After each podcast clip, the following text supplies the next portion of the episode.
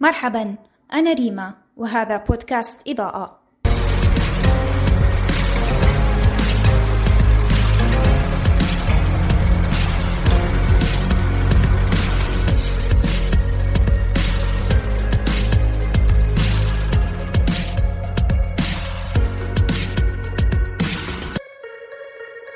نضيء في عدد اليوم من بودكاست إضاءة عن واقع النشر عن أهم المشاكل والمعيقات التي تواجه صناعة الكتاب في الجزائر.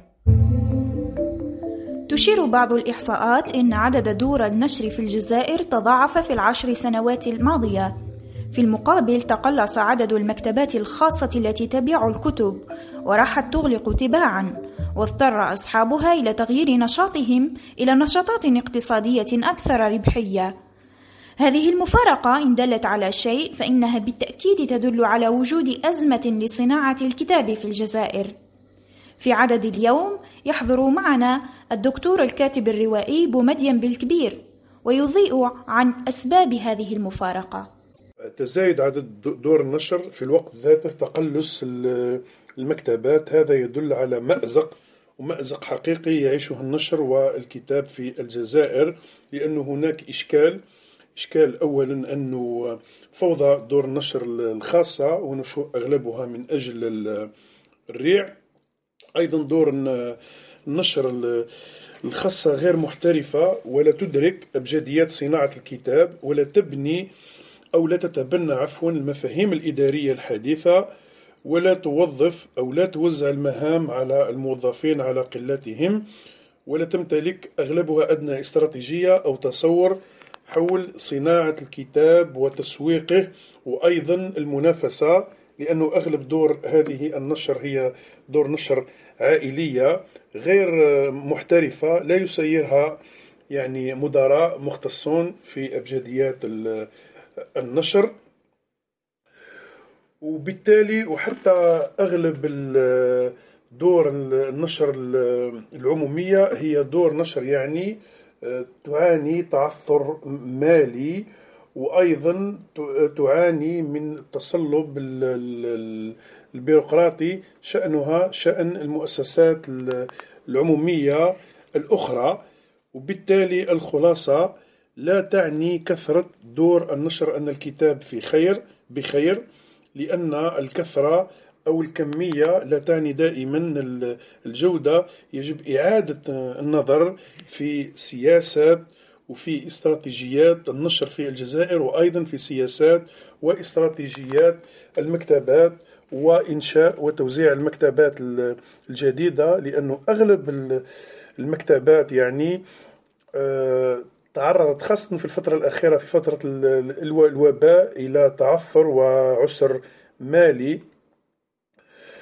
وأغلبها أغلقت وتحولت إلى محلات يعني تجارية محلات للإطعام وللملابس. لماذا؟ لأنه الكتاب لم يعد ضرورة في منطقتنا للأسف الشديد عكس الدول المتقدمة التي تعتبر أن الكتاب هو ضرورة لا يمكن الاستغناء عنها. هو أيضا في تلك الدول صناعة قائمة بذاتها ترصد لها الميزانيات ولها عوائد بمليارات الدولارات لذا تتطلب تلك الصناعة تخطيطا وتنظيما وقيادة ومتابعة ورقابة فضلا عن إدارة محترفة واستراتيجيات مناسبة مع البيئة والمحيط والتكنولوجيا وغيرها أي تلك أي تلك الصناعة تخضع لقواعد السوق والمنافسة ويجب أن يحظى الكتاب كمنتج يعني بمزيج تسويقي ملائم.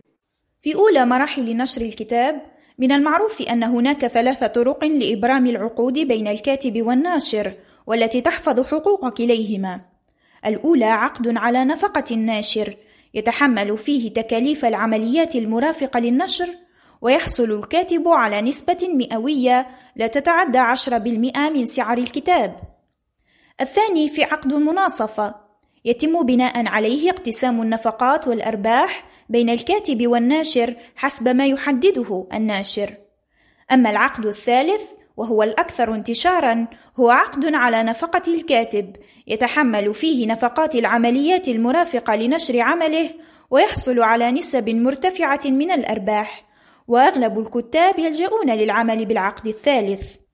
هناك دور نشر ذات طابع تجاري تطلب أسعارا باهظة وتستغل رغبة الشباب في الظهور والشهرة. وهذه الممارسات ساهمت في تقهقر المادة الثقافية من خلال النشر العشوائي دون غربلة وتقييم على حساب الثقافة والإبداع. أعتقد أن هناك وجه آخر لمشكلة صناعة الكتاب في الجزائر أو في المنطقة العربية ككل وجه يعني مهم مرتبط أساسا بالناشر لأنه أضحى النشر لمن يدفع بغض النظر عن النوعية أو الجودة وبالتالي نسبة مهمة من دور النشر أضحت أشبه بالمطابع تنحصر مهامها في طبع الكتاب والقبض من المؤلف. المهم هو المال. لا يهم إطلاقا مدى جودة العمل كما ذكرت سابقا المقدم للنشر. آه، الناشر الانتهازي إن لنا التعبير الذي يجوب المعارض المحلية والمعارض العربية بحثا عن مضاعفة ثرواته مما يقبضه من أشباه الكتاب وأنصاف المبدعين وتتقاعس الجهات والهيئات المعنية بالضبط والمتابعة عن القيام بمهامها وأدوارها في كبح هكذا ظواهر مرضية تضر آه، بالكتاب وبالثقافة. ويمكن أيضا الحديث عن شبكة العلاقات التي ينسجها أولئك المنتحلين لصفة الكتاب في المعارف والمكان الاجتماعية والفئة أو الطبقة التي ينتمي لها هؤلاء. لها دور مهم في استشراء الظاهرة وشيوعها في في غالبية في غالبية عفوا الأقطار العربية. كل هذه الأسباب وغيرها جعلت من هذه الظاهرة تعرف انتشارا كبيرا. وامتدادا تجاوز كل الحدود والأعراف. مباشرة بعد إبرام العقد مع الكاتب تشرع دور النشر الربحية في تصميم غلاف الكتاب وإخراجه فطباعته. ينتشي الكاتب فور أن يوضع عمله بين يديه بعد استكماله. لكن سرعان ما تتلاشى هذه النشوة بعد التفكير في الخطوة الموالية. التوزيع المطب الأكبر في طريق صناعة الكتاب. طبعا أتفق معك. يمكن اعتبار التوزيع أيضا عائق أو قيد كبير أمام نجاح صناعة الكتاب في في الجزائر.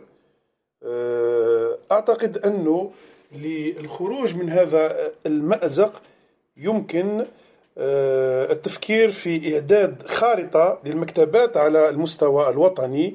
تمكن الناشر من الوصول إلى كل نقاط بيع الكتاب في الجزائر آه، فضلا عن معالجة أو محاولة التفكير في آه، حل العديد من القيود التي يواجهها أصحاب المكتبات. وهي بالأساس يعني قيود مادية وقيود على على المستوى الثقافي على مستوى الوعي لأنه أغلب الموظفين في مكتبات بيع الكتاب نسبة كبيرة منهم غير مكونين في هذا المجال. أيضا يجب التفكير في إنشاء شركات يعني كافية ومحترفة لتوزيع آه، الكتاب. كذلك يمكن آه، مراجعة التكاليف الباهظة لتوزيع الكتاب في آه، الجزائر وخاصة الإشكال توزيع الكتاب من قبل شركات غير متخصصة في توزيع الكتاب. وفي غالب الأحيان هؤلاء يطلبون هوامش ربح تتجاوز هامش ربح مؤسسات النشر وهذا إشكال آخر يجب إعادة النظر فيه. كذلك مراجعة التشريعات الحالية التي أعتقد أنها معرقلة إلى حد كبير لاستيراد الكتاب بسبب الرسوم المرتفعة الكتاب المستورد واعتباره يعني كسلعة مثل غيرها من السلع الكمالية وإخضاعها لإجراءات بيروقراطية تتطلب وثائق وتصاريح ورسوم وزمن. أعتقد أنه إعادة هندسة عمليات وصيرورة عمليات استيراد الكتاب مهمة جدا في إيصال الكتاب أيضا الأجنبي إلى المكتبات وإلى القارئ الجزائري. أيضا الحلول في مجال مشكلة توزيع الكتاب إعداد مسوحات إحصائية دقيقة ودورية ومستمرة لواقع المقروئية في الجزائر والفروقات في نوعية الكتب وحاجات القراء من منطقة لأخرى. حتى يتم الاسترشاد بها. لماذا؟ لأن هذه المعلومات تعتبر مهمة من قبل الناشرين أثناء عملية نشر وتوزيع الكتاب وكذلك علينا إعادة النظر في إشكالية طبع الكتاب ويبقى هذا الكتاب متراكم في المخازن وإن وزع هذا الكتاب الجديد فغالبا في نطاق محدود جدا ونسبة كبيرة من الكتب لا تخرج من العاصمة. مهم جدا إنشاء مشروع آه، مكتبة آه، رقمية بالشراكة مع مؤسسة النشر ومع شركات اقتصادية جزائرية وأجنبية ومؤسسات متعاملي الهاتف النقال الثلاث. مهمتها صناعة المحتوى الرقمي المرتبط بالكتاب والتوزيع والإشهار كمرحلة أولى لمنتجات دور النشر. من خلال التصفح المجاني لبعض الكتب دون إمكانية تحميلها طبعا وفي مرحلة لاحقة يتم استخدام تلك المكتبات الرقمية لتوزيع الكتب من خلال البيع الإلكتروني عفوا للكتب سواء كانت بصيغة آه، ورقية أو إلكترونية شرط أن تحقق متطلبات الدفع الإلكتروني والتوصيل. في فضاء الإنترنت الواسع حيث القوانين تكاد تنعدم وتصعب المراقبة. يظهر إشكال آخر وهو قرصنة الكتب. فبمسح ضوئي وترويج في مواقع التواصل الاجتماعي تكتمل عناصر السرقة الإلكترونية، الأمر الذي يضرب بحقوق الملكية الفكرية عرض الحائط. وهنا مصائب قوم عند قوم فوائد، فالناشر والكاتب هما المتضرران من القرصنة، فيما توفر الكتب المقرصنة الكثير على القارئ الذي يلجئ لها إما بسبب عدم توفر الكتب في رقعته الجغرافية أو بسبب غلائها المبالغ فيه. لكن كيف يمكن للكاتب أن يحمي كتابه من القرصنة؟ قرصنة الكتاب هي مشكلة أخرى تضاف إلى مشكلة صناعة الكتاب بل أكثر من ذلك لا يمكن الانتقال إلى الاقتصاد الثقافي أو الاقتصاد الإبداعي كرياتيف ايكونومي دون معالجة مشكلة قرصنة الكتاب لكن في الجزائر الكتاب قرصنة الكتاب المحلي هي ضعيفة.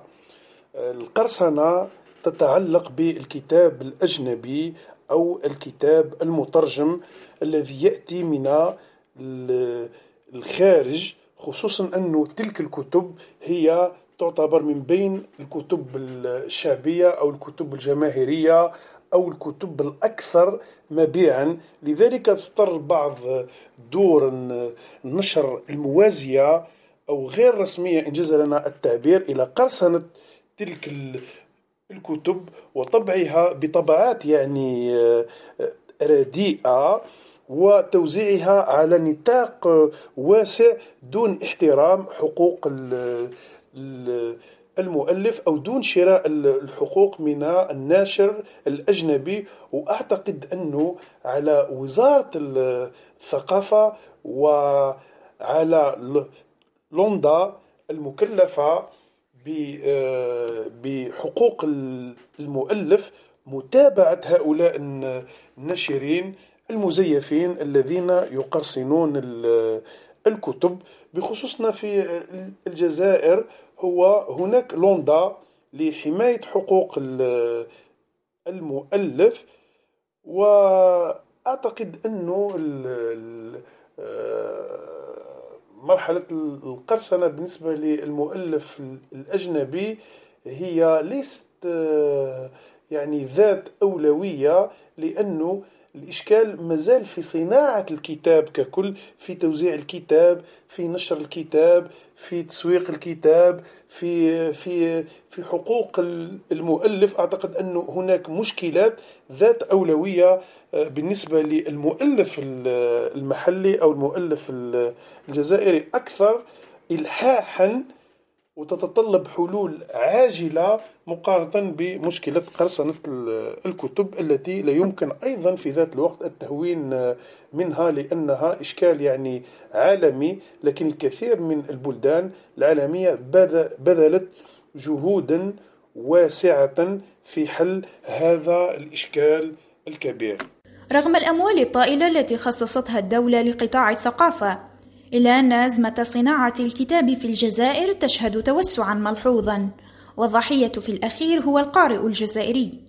لذلك يتعين على هذه الجهة المعنية وضع قوانين وخطط تضمن السير الحسن لعملية صنع الكتاب بداية من التأليف وصولا إلى التوزيع والبيع للارتقاء بالصناعة الثقافية في الجزائر.